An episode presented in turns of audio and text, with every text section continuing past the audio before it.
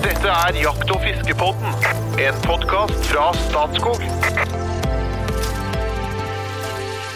Hjertelig velkommen til en prat i godt lag om jakt og fiske. Navnet mitt er Trond Gunnar Skillingstad, og til vanlig så er jeg kommunikasjonssjef i Statskog. Med meg er informasjonssjef i Norges Jeger og Fisk, Espen Farstad, og fagsjef i Statskog, Jo Inge Bresjeberget. Hva syns dere om dagens innledning? Kort og presis, og vi kan komme rett til saken. Fint. Ok, Ja. nei, men da har vi en ny, eh, ny runde. Og ikke nok med det. Vi har med oss en oase av kunnskap, som har en lun humor og en sterk tilstedeværelse, som har evnen til å sette ja, jeg vil- si de fleste ekspertene her eh, i studio til veggs, med sin enorme kompetanse. Hjertelig velkommen til deg, Øyvind Fjelseth. Tusen hjertelig takk. Og når du i den ene timen i døgnet ikke fisker Nei, nå overdriver jeg litt. Hva, hva gjør du når du ikke er ute og fisker sjøl? Eh, Da er jeg sammen med kona mi. Du er ikke på jobb eller noe? Å jo. Ja, Jo, hvor jo. jobber han da? Ja, ja, ja, jeg er på jobb, jo. Jobb i Norges Jeger- og Fiskerforbund som fiskekonsulent. Ja. Ja, ja. Og så hvilken utdanning har du? Eh, Innen fiskebiologi. ja. Og så driver du med ulike typer fiske. Ja, veld, jeg, jeg må jo innrømme at jeg er litt hekta fluefisker, men uh, egentlig ganske altetende. Uh, var voldsomt altetende, blei veldig monofokal på fluefiske. Har blitt litt mer altetende med, ja, med åra, for å si.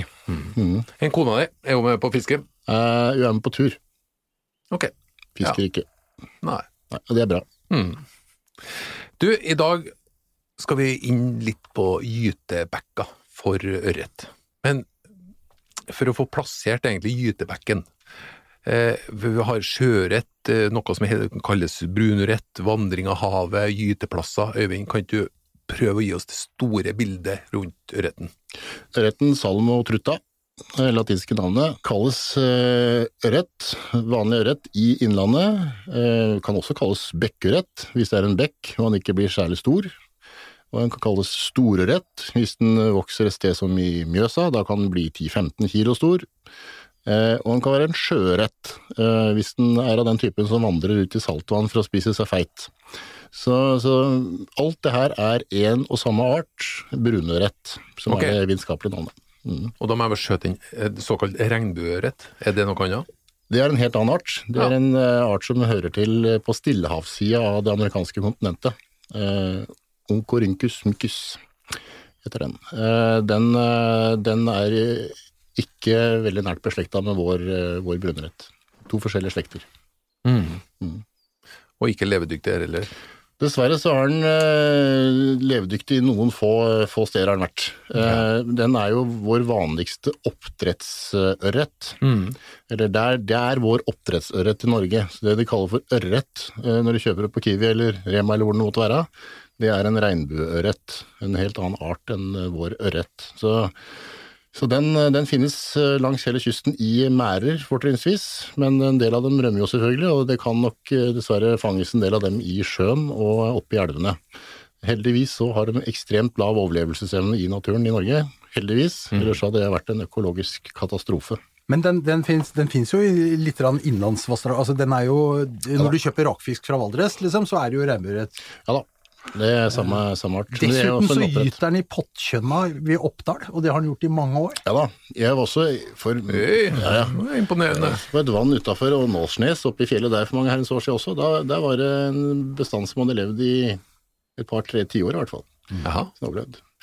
Så, så den fins i noen veldig få, få, få innsjøer, så, så har den overlevd. Eh, og det er litt usikkert på hvorfor den ikke overlever andre steder, men sannsynligvis er det noe sjukdom som gjør at eh, egga ikke overlever.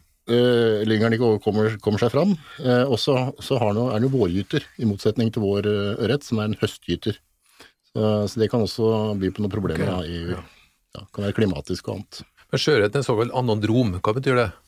Det betyr at du fødes i ferskvann, og så går du ut i saltvann for å spise deg feit. Og Så kommer du tilbake igjen til ferskvann for å reprodusere. Så det er en ferskvannsfisk, men han har en ganske stor del av livet sitt i saltvann, Ja. og tåler det.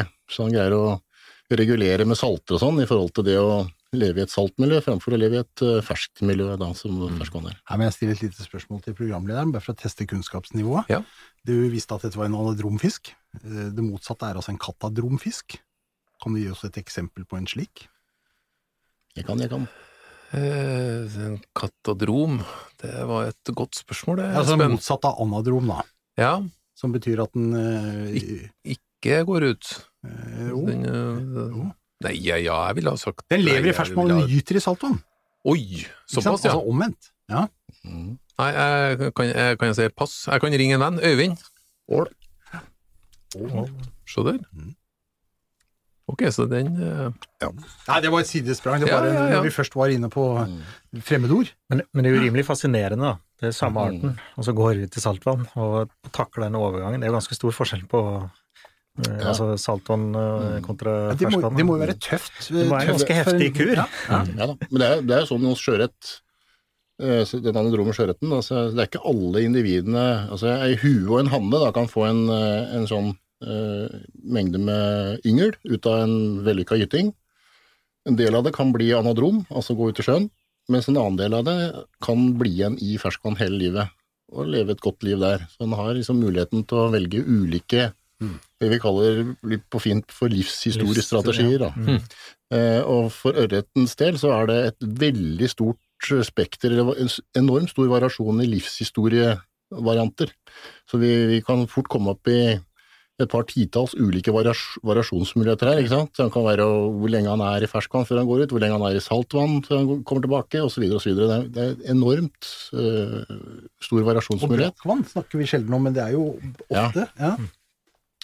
Vi har jo ofte det vi kaller for uh, en sånn uh, Vi kaller det for estuarieørret. Estuarie er jo som der elva renner ut i noe, havet eller i, i ferskvann for den saks skyld. Men eh, det er en del eh, av de sjøørretene som oppholder seg en veldig stor del av tida i de her estuariene, eller elveutløpa, da. Eh, Og der har ofte veldig brakt vann, altså lav saltholdighet. Brakt vann er den, det saltvannet som har lavere enn 10 promille saltholdighet. Så og der, er det, der kan du finne opp mat. Drammensfjorden er et sånt eksempel på det. Veldig brakt. Der er jo karpfisk nesten helt ut, men, men tross alt salt vann, da. Veldig brakt vann. Så etter et visst antall år, og, eller ulikt antall år, år i havet, så kommer den inn for å reprodusere seg. Ja, den, altså den, laksen er jo sånn at den går ut av havet, så er den ett, to eller tre år typisk ut i havet før den kommer tilbake, mens sjøørreten er sånn at den går ut i, i sjøen, og da er den i fjorden, han går ikke ut i det store Atlanterhavet, han går ut i en fjord typisk, Okay. ikke så langt fra elva, kanskje bare en to-tre mil fra elva, kan gå opp i fem, seks, åtte, ti mil også, men sjelden lenger enn det. Så du finner ikke sjøørret ute i Atlanteren sammen med laksen, der, eh, den er inne i fjordene typisk, eh, og der er den i de fleste tilfeller så er den ikke der året rundt.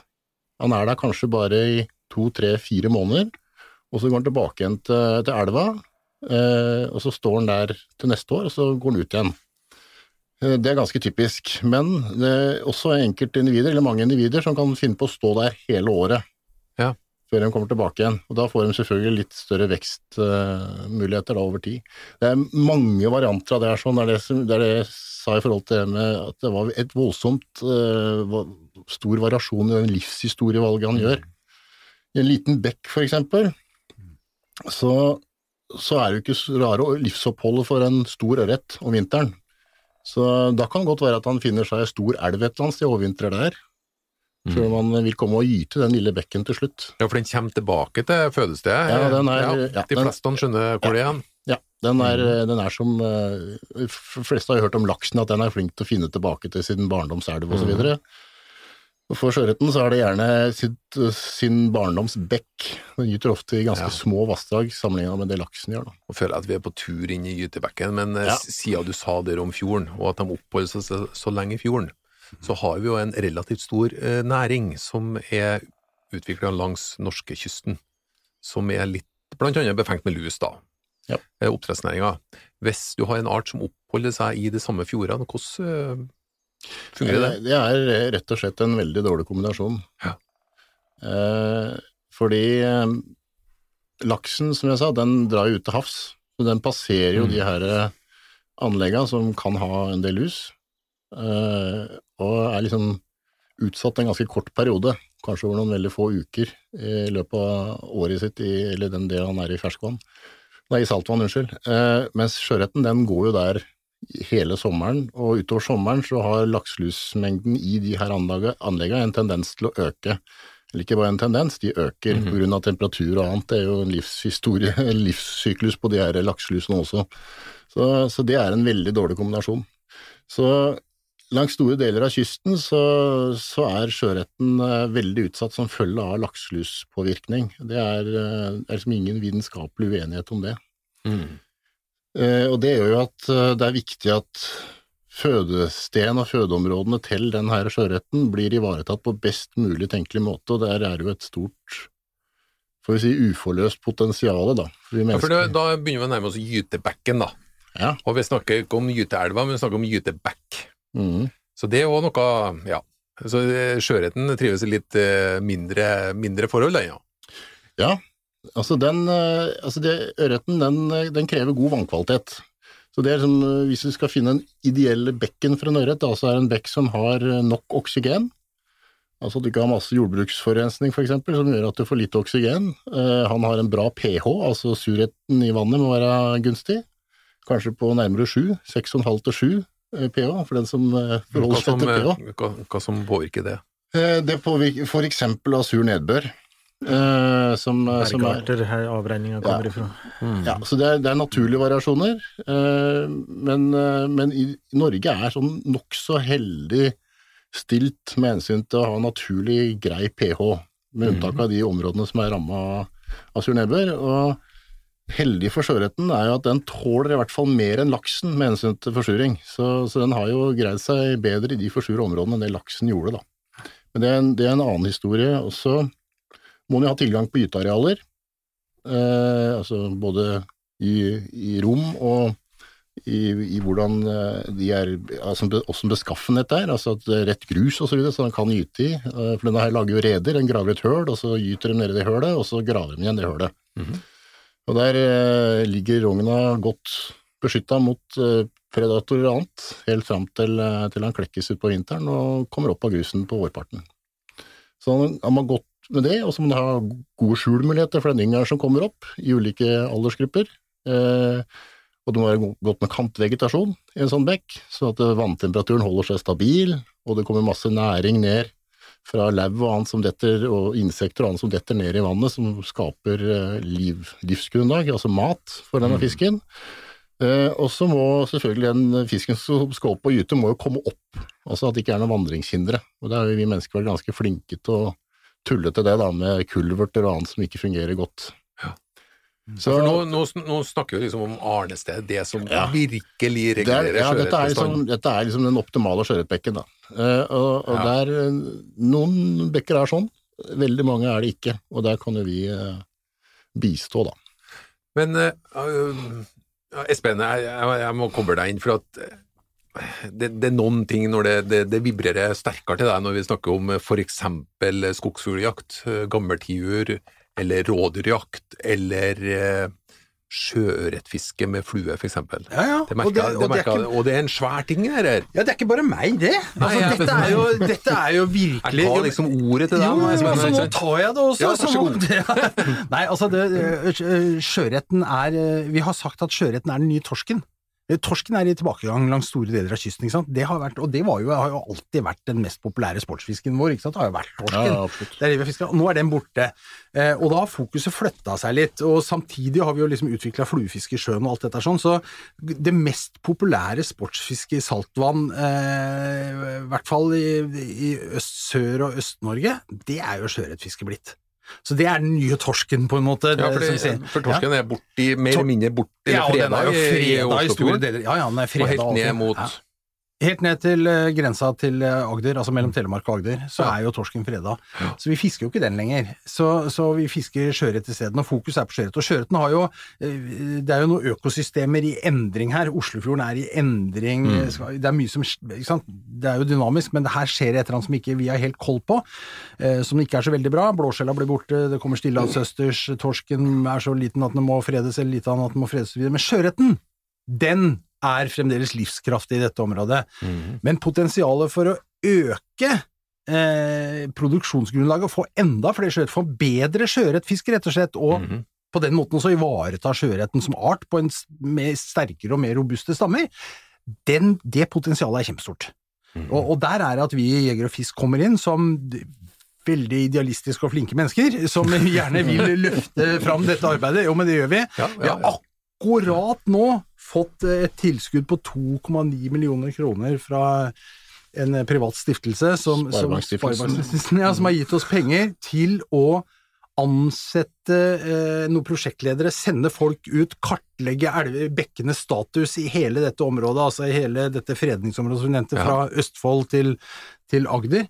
Vi skal kartlegge situasjonen, vi skal se på hvilke utfordringer sjøørreten har, se på hvilke forbedringsmuligheter som ligger i bekkene, alt det som Øyvind var inne på, liksom, altså kantvegetasjon, gytemuligheter, vandringshindre. Vi skal på en måte rydde opp så godt vi kan, og legge til rette i alle disse bekkene. her. Så, og ut av dette så kommer det til å komme et bedre sjøørretfiske.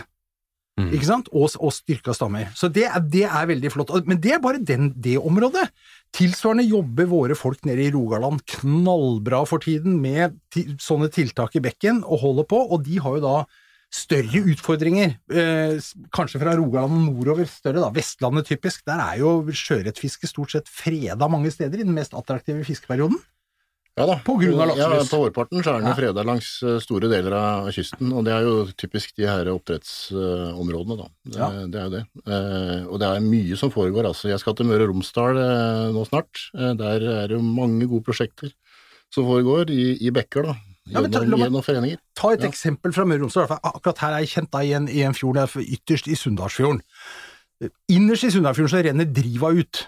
En lakseelv. Den var Norges fjerde beste lakseelv i sin tid. En fantastisk nydelig, flott vassdrag. Og det gikk jo enorme lakser oppi her. sånn. Altså, jeg har sjøl sett lakser på godt over 20 kilo tatt i laksenøter uti der når jeg vokste opp som guttunge. Sjøørreten i Driva, som ble kalt for kludd, var jo en kortvokst, kraftig, ordentlig, skikkelig fisk. Den vandra ut hele fjordsystemet. Du sa 8-10 mil, liksom, og det, det er omtrent her, her du treffer Ja, ja. dette. Alle bekkene innover var smekkfulle av skjøtt, Her har det jo alltid vært et rikt sjøørretliv i disse områdene. Her er det nå forbudt for oss som fisker med stang å fiske, fordi bestandene er så svekka. Det er lakseluspåvirkning ikke sant, som har gjort dette her sånn. Så, så, så nå er det, dette er på en måte historie. Det er helt ødelagt. Dette må vi gjøre noe med. Ja, absolutt. Driva var jo skikkelig bra sjøørretelv. Ja, Ja, det var, det var- eh, det var ja, Norges, Norges, Norges beste, var det ikke? Ja, jeg husker ikke hvor mange kilo var ja, Ja. Rapportert der i, i normalår, ja, men det, det var jo formidabelt. Og Men når jeg har med barnebarnet mitt nå, Fred, ikke sant, som er seks år, opp der på om sommeren og vi skal fiske, og det spretter ørreter i vannet, så skal jeg si de får du ikke lov å fiske på.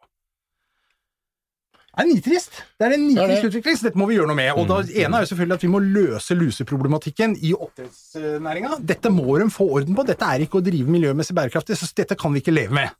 Programerklæring ferdig snakka, dette er vi enige om. Ja. Men, og mens vi venter på at politikeren skal få ut fingeren og tørre å gjøre noe med dette her sånn, så iverksetter vi tiltak for å hjelpe sjøretten der vi kan hjelpe. Og der, og der er det såpass mye god kunnskap eh, at vi liksom har gode muligheter for å lykkes. Og det er klart, Når torsken er borte på Skagerrak, da, som vi nevner, så, så gjør det at flere vil fiske etter sjøørret. Og det er jo ikke noe han skal eh, la være å ha et fokus på, for det kan jo også resultere i at det blir fanga for mye sjøørret i forhold til hva som blir produsert. Så som et minimum så må vi få opp, eh, få opp produksjonen i bekkene, og så må vi selvfølgelig regulere det fisket på en fornuftig måte, sånn at det er bærekraftig over lang tid for flest mulig. Så Men hvordan, hvordan retter du opp en gytebekk? Og jeg skal ta etterpå. Ja, jeg skal komme med neste spørsmål etterpå. Nå skal, nå, nå skal du lage den perfekte gytebekken.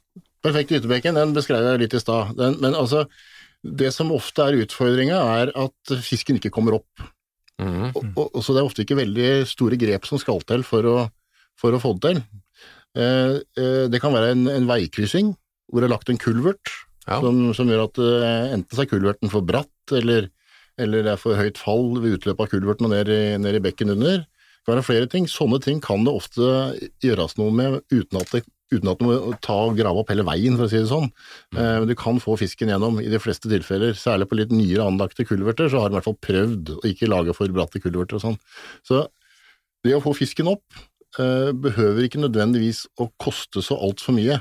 Eh, det er handlemakt i, i, ofte også, bare. Altså flytte på stein og lage liksom en sånn vandrings, en vandringsmulighet. Ja, for det, har skjedd noen sånn tilføring av gytegrus. Ja. Det har skjedd eh, gravemaskinnivå. Ja. da, Sånn, eh, Ja, ikke sant? Andre, Ja. andre, en annen, annen ting som kan mangle i en del tilfeller, er muligheter for å gyte og få produsert yngel. Så da handler det om å få tilstrekkelig mengde med gytemuligheter eh, i en vanlig sånn sjøørretbekk. Det blir en prosenttall, så det er vanskelig å forholde seg til, kanskje, men mellom 10 og 30 prosent av arealet i en sjøørretbekk eh, kan du godt ha gyte, gytemuligheter på, hvis du har det godt fordelt over et godt strekke, da. Eh, og grunnen til at du kan ha så mye gyte, eller så gode gytemuligheter en sånn en bekk, er at, er at den fisken skal være i den bekken kanskje tre år, og så skal den ut i sjøen.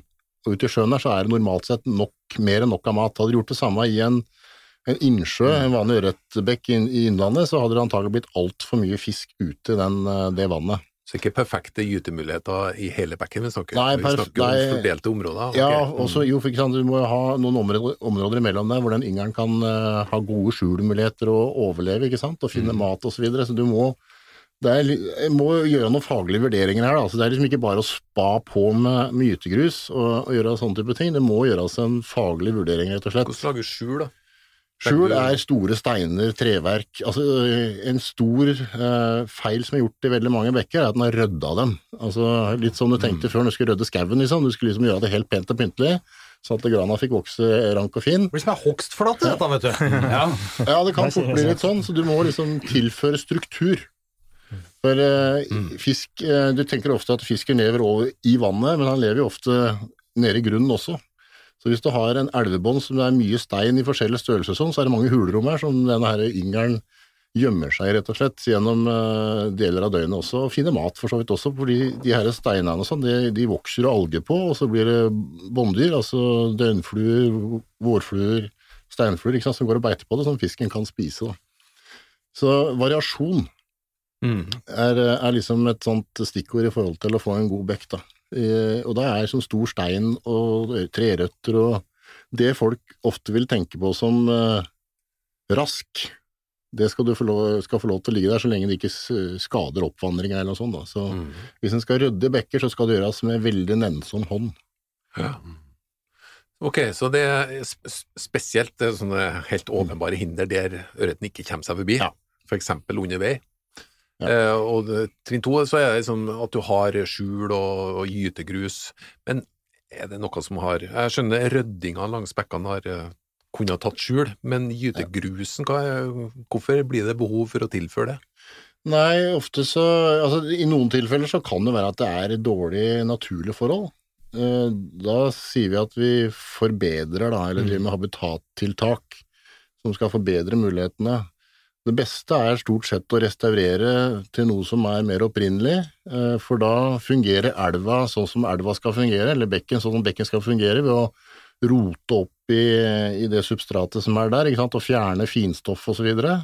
Det som ofte skjer hvis du får redusert vannføring, eksempel, eller gjør andre ting som gjør at vannføringen endrer seg, er at du får mye finstoff som tettere enn de her hulrommene som er livsviktige for, eh, for yngelen. Eh, og det, det har skjedd i veldig, veldig mange, mange bekker, så uh, det å rufse litt opp i det, så du får bort det finstoffet, det, det kan gjøre en veldig, veldig stor uh, positiv effekt. Da. Og så kronspørsmålet, da, oppfølgingsspørsmålet. Nå har du hatt litt sånn Det, det, det har vært en gytebekk som ikke har funka. Så får du fjerna hinderet, du får eh, skjul, du får gytegrus på en sånn passelig andel, så du lager den perfekte gytebekken. Hvilken betydning kan det ha for ørretbestanden? Ørreten legger jo veldig store egg. Eh, I forhold til de aller, aller fleste andre fiskearter, så legger den kjempedigre egg. Og Det er fordi han skal grave ned i det her redet som jeg snakka om, og han satser på noen få egg eh, med en god overlevelse. Det er liksom eh, strategien, da. Eh, Men noen få egg er jo langt flere enn det kona mi har fått av unger, i hvert fall. Det, vi Ja. snakker om eh, eh, mellom 1200 og 1500 egg på en kilos ørret. Ja. Det er det han kan legge, og det er veldig høy overlevelse på de egga. Eh, Det er noe som blir virvla opp og blir tatt av strømmen osv., men eh, si du har et, får, får tre-fire sånne fisker til å gyte på et sånt utlagt gytegrusområde, da. Så kan du, kan du plutselig få inn kanskje et par tusen egg, i hvert fall, som overlever. Eh, Og så er det selvfølgelig høy dødelighet Mm. på den yngelen, men det vil resultere, resultere i at du får tilbake ja, kanskje en fem-seks voksne fisk ekstra til den bekken. Det høres ikke mye ut, men har du flere gyteområder, så er det ganske betydelig. Mange av de her bekkene er jo ikke bredere enn en meter eller to. Mm. Det er jo sånn, En klassisk sjøørretbekk er det nesten ikke ja, den Det er vanskelig å beskrive den, egentlig, for den kan være alt fra en halv meter brei til, til en stor elv, i praksis. Men veldig ofte så er det ganske små vassdrag. Opp i sidevassdrag, typiske store elver, så er det gode sjøørret... Uh, eh, altså der vil sjøørreten gjerne være, da. Mm. Men snakke, snakke om Oslofjorden. Er det pågående, er det behov og pågående arbeid hele, langs hele kysten, eller Nå i dag så er det nok litt Det er litt spredt. Ja. er det ildsjel, Ja, det, som det er foreninger. Altså, I sånn som i Agder så har de hatt eh, et veldig stort engasjement. Eh, Østfold, ute ved Hvalerøyene, Ja. der er både vår organisasjon og andre har stått veldig på. Hatt inn en rosareke som eh, har Ja. sett Helle ganske aktiv på det. Ja, ja, men Mm. han er vel også en sånn NODF-ambassadør, så Ja. han, eh, Han er i familien. Ja. Han er i familien. Men, men dette, er, dette er litt viktig, for, at det, for det, det vi må forstå, er altså en, en, en grunneier i en lakseelv i Trøndelag, han er opptatt av elva si, for den er jo en kilde til inntekt. Mm. Ikke sant? Det er ikke en gytebekk for ørret. mm. Sjøørret, ikke sant? For det er ingen som fisker i den bekken. Du kan ikke selge fiskekort til bekken. Fiske foregår i sjøen, der er fiskefritt. Så du er avhengig her av at du får en goodwill hos grunneieren på at det gjøres et arbeid i bekken. Altså, han må, han må tilføres en stolthet over å ha en godt fungerende sjøørretbekk på sin eiendom. Ikke sant? Det er viktig. Og så må ildsjelene være der og gjøre jobben. Det er også jeger og så må fylkeskommunen eh, og fylkesmannen og disse spytte inn tilstrekkelige midler, så vi kan ha en gravemaskin der, eller kjøpe en gytegrus, eller hva det er. Og så bør store grunneiere bistå så godt de kan. Mm. Og hvem er størst? Nei, nå ble de svar skyldig her, gitt. Det Stør- Størst i Innlandet, Statskog. Er litt usikker. Jeg kan utfordre deg, Jo Inge. Er, er, er vi overhodet i nær? Altså, har, Det var- har gytebekka noe ja, vi, Er vi borti det på noe vis? Vi, ikke veldig mange. Vi har jo nesten ikke grunn. Eh, altså I den grad det prater sjøørret og anadrome arter, så vi har jo knapt noen grunn ut til kysten. Men Statskog-millionen kunne jo sikkert søkes på her også, hvis man trenger Ja, eh, litt sant? Så så det Ja. kan jo, men det var et er sides, så- men det er jo så- sidespor med Statskog. Men poenget her var at dette er, ikke, dette er ikke noe som kaster av seg noe samfunnsøkonomisk utover det at det blir fiskere, det selges fiskeutstyr, sånn, men det blir liksom langt ute i verdikjeden. Ja, ja. Opplevelser, Det er, folkehelse. det er masse, som, masse verdi i det, men ikke sånn direkte som går inn tilbake til bekken. Det er langt ifra bekkeieren, eller, eller eh, eiere altså av den bekken. Veldig langt derifra til, til den, de ringvirkningene du ser. Og Derfor så er det så lett å ødelegge bekken, for det er ingen som rammes av det økonomisk i øyeblikket. Nei. Og så skjønner jeg at det er en veldig alle- fin back. At, at man lager en veldig fin back, og gjerne med- steinlegger den inn. Sånn. Jeg, jeg skjønner at der har vi eh, herja med backen, sånn at den estetisk skal ta seg ut på en måte som ikke fungerer Ja. biologisk. da. Det var, eh, jeg var på et seminar en gang, og da var det en som eh, hadde skrevet med svære bokstaver 'Hold larkene unna'. Lark, ja, jeg stussa litt på hva larker var, men det var landskapsarkitekter. Oh, ja. Hold dem langt unna bekken. Det fins nok variasjon, variasjon der også. Men, det, men det, er jo, som det, er jo, det er jo ganske mange hindringer på veien til å få den perfekte gytebekken, men samtidig er det tiltak som faktisk virker. Altså, det er jo slik sett lettere å få mer sjøørret å fiske på enn å få flere ryper i fjellet. Og, og kanskje da i den sona vi prater om her i, i Oslofjorden, og med veldig tett eh, Altså veldig mye folk som bor, og eh, press på arealer, så vil en slik en back der fort eh, ha hindringer, da. Ikke sant? Altså at det er kanskje der du monner litt nå, for at det, det er så mye Det er så fælt press på de arealet at en like gyteback her, det er veldig fort at den eh, går med i den store sammenhengen, da. Mm. sant? Men samtidig så bruker vi jo i Norge fortsatt i dag millioner av kroner på å sette ut fisk. Mm. Altså jeg så fra, jeg lurer på om det var Aulandselva, der de lagt ut 100 kvadratmeter gytegrus, og den hadde de regna på i den levetida den gytegrusen hadde, og de må friske på den litt og sånn, eh, men den produserte over en 15-årsperiode 675 000 yngel, som du ellers måtte kjøpt hvis du skulle satt den ut, da, og prisen på den yngelen ble noe sånn som 0,15 øre per stykk eller noe sånt, og det så billig yngel får du aldri ut av et settefiskanlegg, og, og den er naturlig produsert, så den er jo ti ganger overlevelse. Ja. Langt bedre overlevelse. Så, så det, er, eh, det her er god økonomi også, faktisk, eh, å gå inn i. Men hvis en for eksempel oppe i Trøndelag ta et fritt valgt eksempel. Eh, ble litt inspirert etter å ha hørt denne episoden her. Ønsker å bidra til det. Jeg er faktisk eh, interessert i å få til en litt sterkere sjøørretstamme. Og hvordan kan man få utløp for det engasjementet sitt? Nei, Det er jo bare å komme til oss, så vil jo vi på en måte Du kjente jeg kom bidra på straffemerker nå? Ja, ja, ja, det var en lisepasning, det var jo det. Sånn at, eh, og For å kline den rett opp i hjørnet da, med en suser, så er svaret jeger og fisk. Det er jo det. Ja, Men det er jo på en måte vi som representerer ildsjelen. Det fins selvfølgelig grunneierlag og andre også som er med på dette.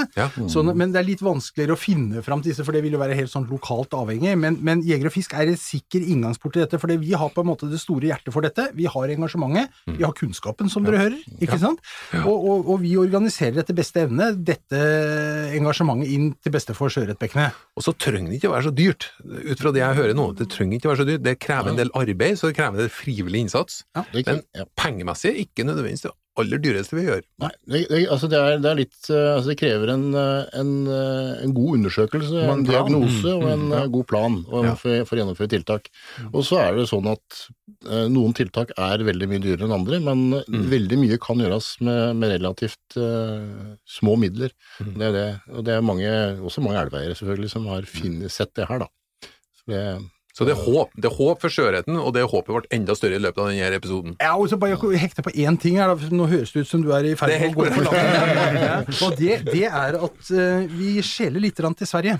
Svenskene har hatt en veldig, på vestkysten av Sverige har hatt en veldig god sjøørretforvaltning i mange år, og mange av oss har jo likt å reise ned til Sverige når de åpner sjøørretfisk sitt 1. april, før korona og dette da. Men de åpner 1. april. Det betyr at de freder før 1. april. Det, noe slikt har ikke vi hos oss, ikke sant? Vi har ikke noe fredning av sjøørreten. Eh, Jeg har ikke sagt at vi skal ha det heller, men altså de, de har brukt noen tiltak i forvaltningen for å ytterligere på en måte ivareta sjøørretene. Så har de høyere minstemål, og de har vel maksmål også på sjøørreten. ja, det varierer litt. Ja. Men det er stort sett minstemål som er høyere. Ja. Men der er jo 1. 1. april er jo sånn 17. mai. Så deres 17. mai. Mm, mm. De svenske sportsfiskerne 17. mai, eller 1. juni for de som er laksefiskere i Norge, så er det litt samme greia. Da er det virkelig sånn eh, hvalfart ut eh, til kysten. Men dette bør vi jo kunne, om, vi, vi kunne Dette bør vi begynne å diskutere i Norge, og liksom skal vi på en måte iverksette noen tiltak som gir oss et bedre fiske målretta. Ja. Det syns jeg vi skal gjøre, uten at vi liksom skal si noe om minstemål, maksmål, fredningstider eller hva det er, men det Nei, det vi kan si er at det Tanker? minstemålet, eh, det eh, bør faglig sett opp. Det er i dag på 30 cm sør for eh, Nordland, og så er det 30 cm nord fra Nordland og nordover, og det henger virkelig ikke på greip. Så, så det er noen sånne, sånne utfordringer vi har, men uh, hvis vi får det opp på en 40, kanskje 45 cm, så er vi et veldig langt stykke kommet. Mm. Så da har jeg sagt hva jeg mener om det. Og apropos størrelse. Karer, vet dere hva som trolig er den tyngste ørreten som er tatt i verden? I verden? Altså, ja. Kilo. Antall kilo. Vær så god, Jo Inge. Du Nei. får gjette først. Nei. Det var et nei fra Jo Inge. Så ørret eller sjø... Ja, generelt? Ørret? Nei. Korrekt. Bortimot Det var så størst i været, da. Nå er jeg bortimot 20 kilo eller noe. Ok. Skal vi se om ankereffekten til funker òg. Vær så god, Nesse. Det spørs hvilke ørretart du snakker om, da. Men eh, brunrett eh, I Norge så er jo den, er jo den offisielle norgesrekorden er jo på 15,3 eller noe sånt, men, og det er en innlandsørret, da. Men eh, 14,5 på sjøørret. Mens så har du noe som heter eh, um, marble trout. Den er i hvert fall på 25. 28-29, tenker jeg. Vær så god, Espen. 22,4. Ok, 22. Ok. Eh, nå, da kan jeg lese dere opp på noe som heter ankereffekten, og den eh, inntraff sannsynligvis nå. Eh, Riktig svar er at en ørret kan trolig bli omkring eh, 50 kilo. I Kuraelva i Aserbajdsjan er det blitt fanga Kaspiørret på 51 kilo. Var det malt, da? Det er jo noe noe ja. annet. Dette er, ikke sant? det er som å spørre hvor stor er rypa, og så vise Å, til en eller annen tiur borti Men kjære, kjære lyttere, sånn skjer når Vi, man bommer fullstendig. vanlig. Da er det feil Det er spørsmål. å Nei, betale for å være altså, er Han er jo programleder, han er jo ikke faglig, faglig sett smart, selvfølgelig. Kjære lytter, det velkommen ende på den- tilbake. ja. Velkommen tilbake neste uke. Oi, oi, oi. Kanskje skal jeg prøve å finne et spørsmål der de bommer totalt igjen da òg. Men inntil den eh, tid, eh, sørg for å få flere lyttere med oss. Du kan òg følge oss selvfølgelig på Spotify, Apple, Instagram, Facebook. Men før vi glir helt ut, vi skal ha en liten eh, hot or not. Og vi starter Huawei mobiltelefon. Hot or not? Not. Hot. Not. Det var veldig sent, Øyvind. Ja. Men eh, rett svar. Okay. Ja. Du sa not Nei, du sa hot, du, Jo Inge. Ja, det er jo bare for at jeg påtvinger den, da. Ikke for at jeg syns den er så fantastisk. Catch and release. Hot or not? Eh, Hot. Not. Teleskopstang. Hot or not? Ja, hot. Ja, hot. Not. Ja, veldig bra. Ok, da Her ble det jo bare rot, faktisk. Men endelig kan vi samle oss om en felles hot til slutt. Det det er julelåta, det er ei lyspære et sted som ikke virker. Not. hot or not? Not.